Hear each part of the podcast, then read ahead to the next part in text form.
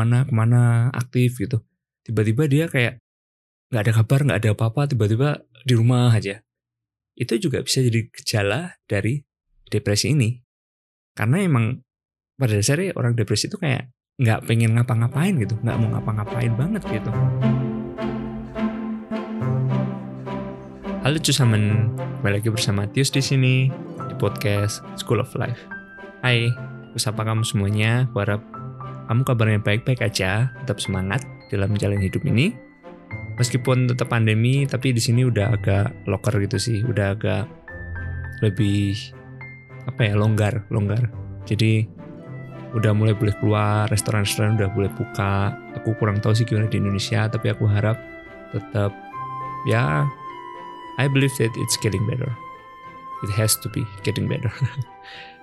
Oke, hari ini aku mau bahas tentang sebuah tema yang baru aku pelajari bersama istri karena dia lagi ada ujian, jadi aku nemenin dia belajar tentang depresi dan cara mengatasinya.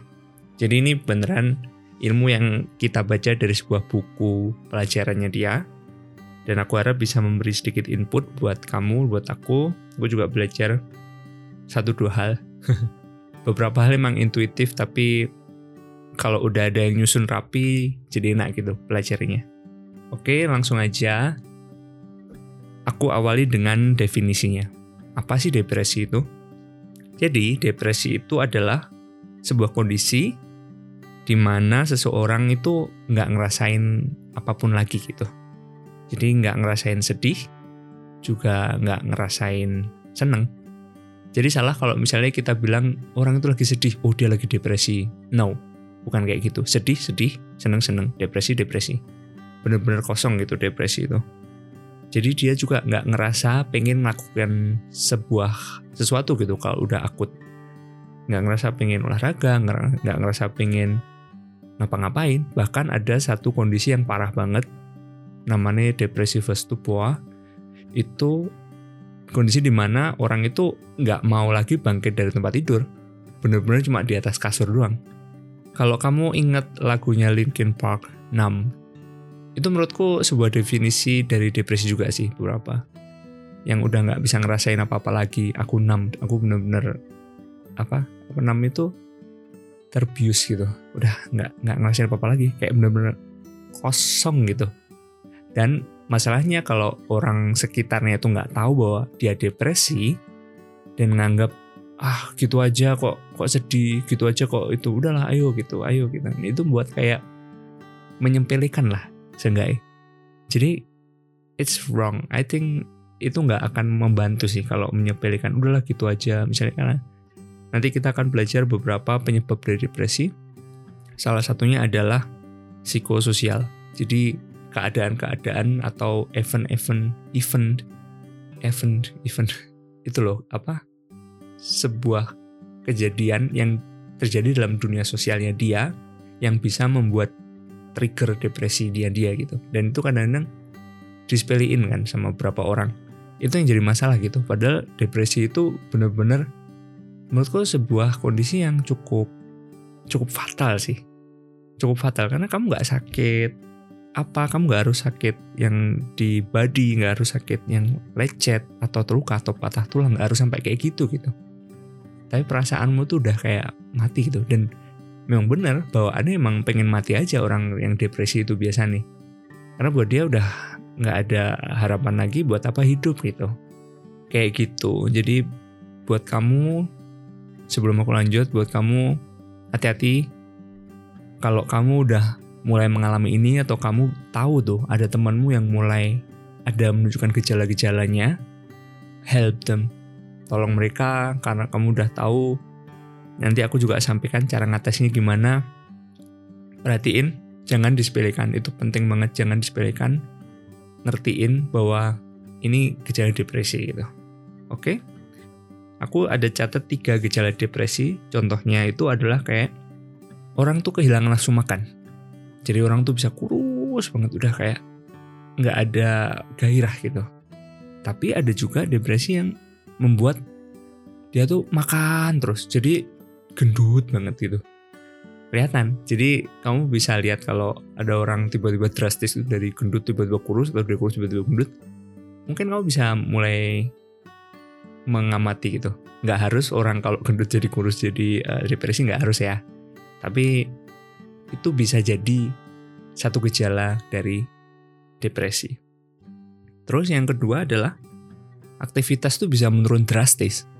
Mungkin yang kamu lihat orang tuh biasanya olahraga ke mana ke mana aktif gitu tiba-tiba dia kayak nggak ada kabar nggak ada apa-apa tiba-tiba di rumah aja itu juga bisa jadi gejala dari depresi ini karena emang pada dasarnya orang depresi itu kayak nggak pengen ngapa-ngapain gitu nggak mau ngapa-ngapain banget gitu lalu poin ketiga adalah ketertarikan terhadap sesuatu itu menurun mungkin yang dia tertarik banget sama movie, suka nonton movie gitu. Tiba-tiba udah udahlah nggak mau lagi gitu. Menurun loh, nggak nggak terlalu pengen lagi gitu. Atau mungkin kalau aku suka MotoGP, mungkin tiba-tiba udah males lah buat apa. Mending aku merenung. yeah, I can laugh right now, but itu it's true. Itu bisa banget terjadi. Nah tulis tentu saja depresi itu ada tingkatan nih gitu. Ada yang mungkin level-level awal atau udah bisa akut gitu. Karena depresi itu ada polanya. Polanya itu kayak gini. Orang yang depresi itu biasanya lebih banyak merenung sendiri gitu kan. Terus di dalam perenungan itu kan dia biasanya itu kayak ngerenungin hal-hal negatif gitu. Yang ada terjadi dalam dirinya. Nah karena dia merenung itu lebih banyak merenung daripada melakukan sesuatu dia in at the end of the day akan mikir aduh aku nggak ngapa-ngapain nih. Seharian kayak merenung gitu. Dan itu kayak bisa jadi ada rasa bersalah juga gitu. Rasa bersalah ini membuat dia lebih depresi lagi. Membuat dia lebih merenungkan lagi. Semakin banyak dia merenung semakin sedikit lagi aktivitas yang dilakukan.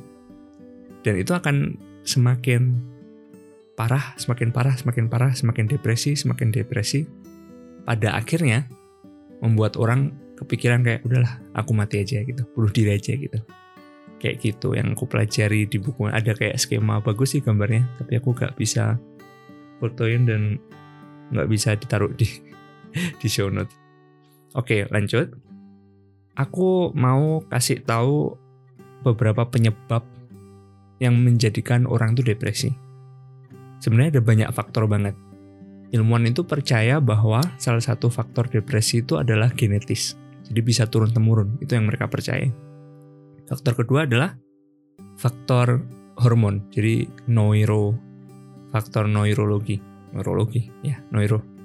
Jadi ada berapa hormon yang kurang porsinya dan berapa hormon yang lebih. Itu yang bisa juga membuat depresi gitu. Dan menurutku ini yang paling paling lazim dan paling masuk akal sih.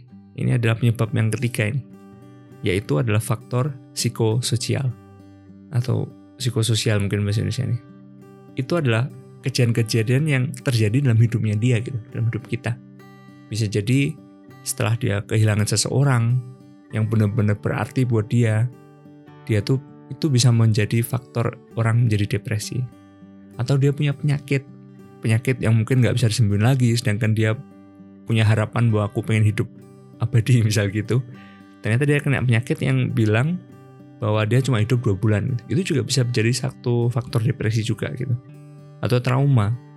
Atau kehilangan keluarga atau apa pun itu. Atau dia punya target sesuatu tapi nggak nyampe gitu. Dia punya ekspektasi dalam dirinya sendiri yang nggak nyampe. Itu juga bisa menjadi faktor untuk membuat orang depresi juga gitu. Nah kita udah bisa tahu, kita udah bicara tentang definisi, kita udah bicara tentang gejala-gejala, penyebab, bahkan polanya. Sekarang aku mau coba ngomong gimana cara mengatasi depresi itu. Salah satu cara yang cukup bagus adalah the first step itu menyadari keadaan bahwa seseorang tuh depresi sedini mungkin. Kan orang tuh nggak mungkin tiba-tiba bunuh diri gitu kalau sekarang dia bunuh diri pasti ada biasanya ada cerita-cerita di hari-hari sebelumnya, bulan-bulan, bahkan kan tahun-tahun sebelumnya gitu. Ada titik awal di mana dia memulai dalam tanda kutip perjalanan depresinya dia. Jurnal journey depresinya dia gitu. Nah, sedini mungkin disadari tuh. Atau mungkin kamu kalau ada temen, kamu perhatiin, maybe it's your best friend. Kamu bisa bantu mengamati dan bantu dia cheers up gitu. Kalau ada temenmu yang ngalami depresi, jangan dikucilin, jangan diremehkan apa yang perasaannya dia, tapi coba aja sesuatu dia aktivitas sesuatu yang yang yang simpel-simpel aja lah, yang nggak terlalu berat. Terus kalau dia mau melakuin, kasih apresiasi, wow gitu. Mungkin kamu bisa bilang makasih ya udah nemenin aku gitu. It means a lot to me, misalnya kayak gitu. Itu membuat dia kayak, wah, ternyata aku udah melakukan sesuatu positif gitu. Dan itu adalah detoxic ya, atau apa ya? Iya detoxic eh. Yang bisa menghilangkan racun-racun negatif gitu. Karena dia butuh itu. Karena kalau orang depresi itu semua hal yang bagus ketutupan dan yang jelek itu kelihatan banget gitu. Nah, itu adalah tugas atau mungkin itu adalah part kita yang bisa kita kasih buat bantu dia lihat bahwa ada sisi-sisi positif yang lain juga gitu loh. Lalu, kalau kita udah bisa menyadari depresi sedini mungkin, kita bisa dengan sengaja atau mungkin itu sama kita ya. Kita kamu udah merken atau kamu udah ngeh, aduh aku mulai depresi. Kayaknya aku mulai depresi.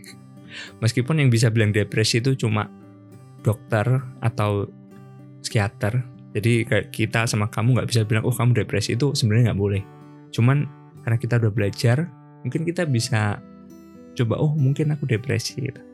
kalau kita udah mulai mengenal itu kita bisa dengan sengaja dengan aktif memerangi depresi itu caranya gimana kalau kamu depresi aku tahu kamu nggak pengen keluar kasur tapi dengan sengaja aku keluar kasur, aku bersih-bersih rumah misalnya gitu.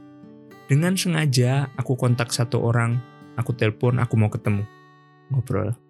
Dengan sengaja aku bangkit dari tempat tidur, olahraga, jogging. Itu harus disengaja, harus ada part aktif gitu. Karena kalau enggak dia akan tetap di guanya dia, di pojokan, gelap gulita, nggak ada orang lain, nggak ada nemenin.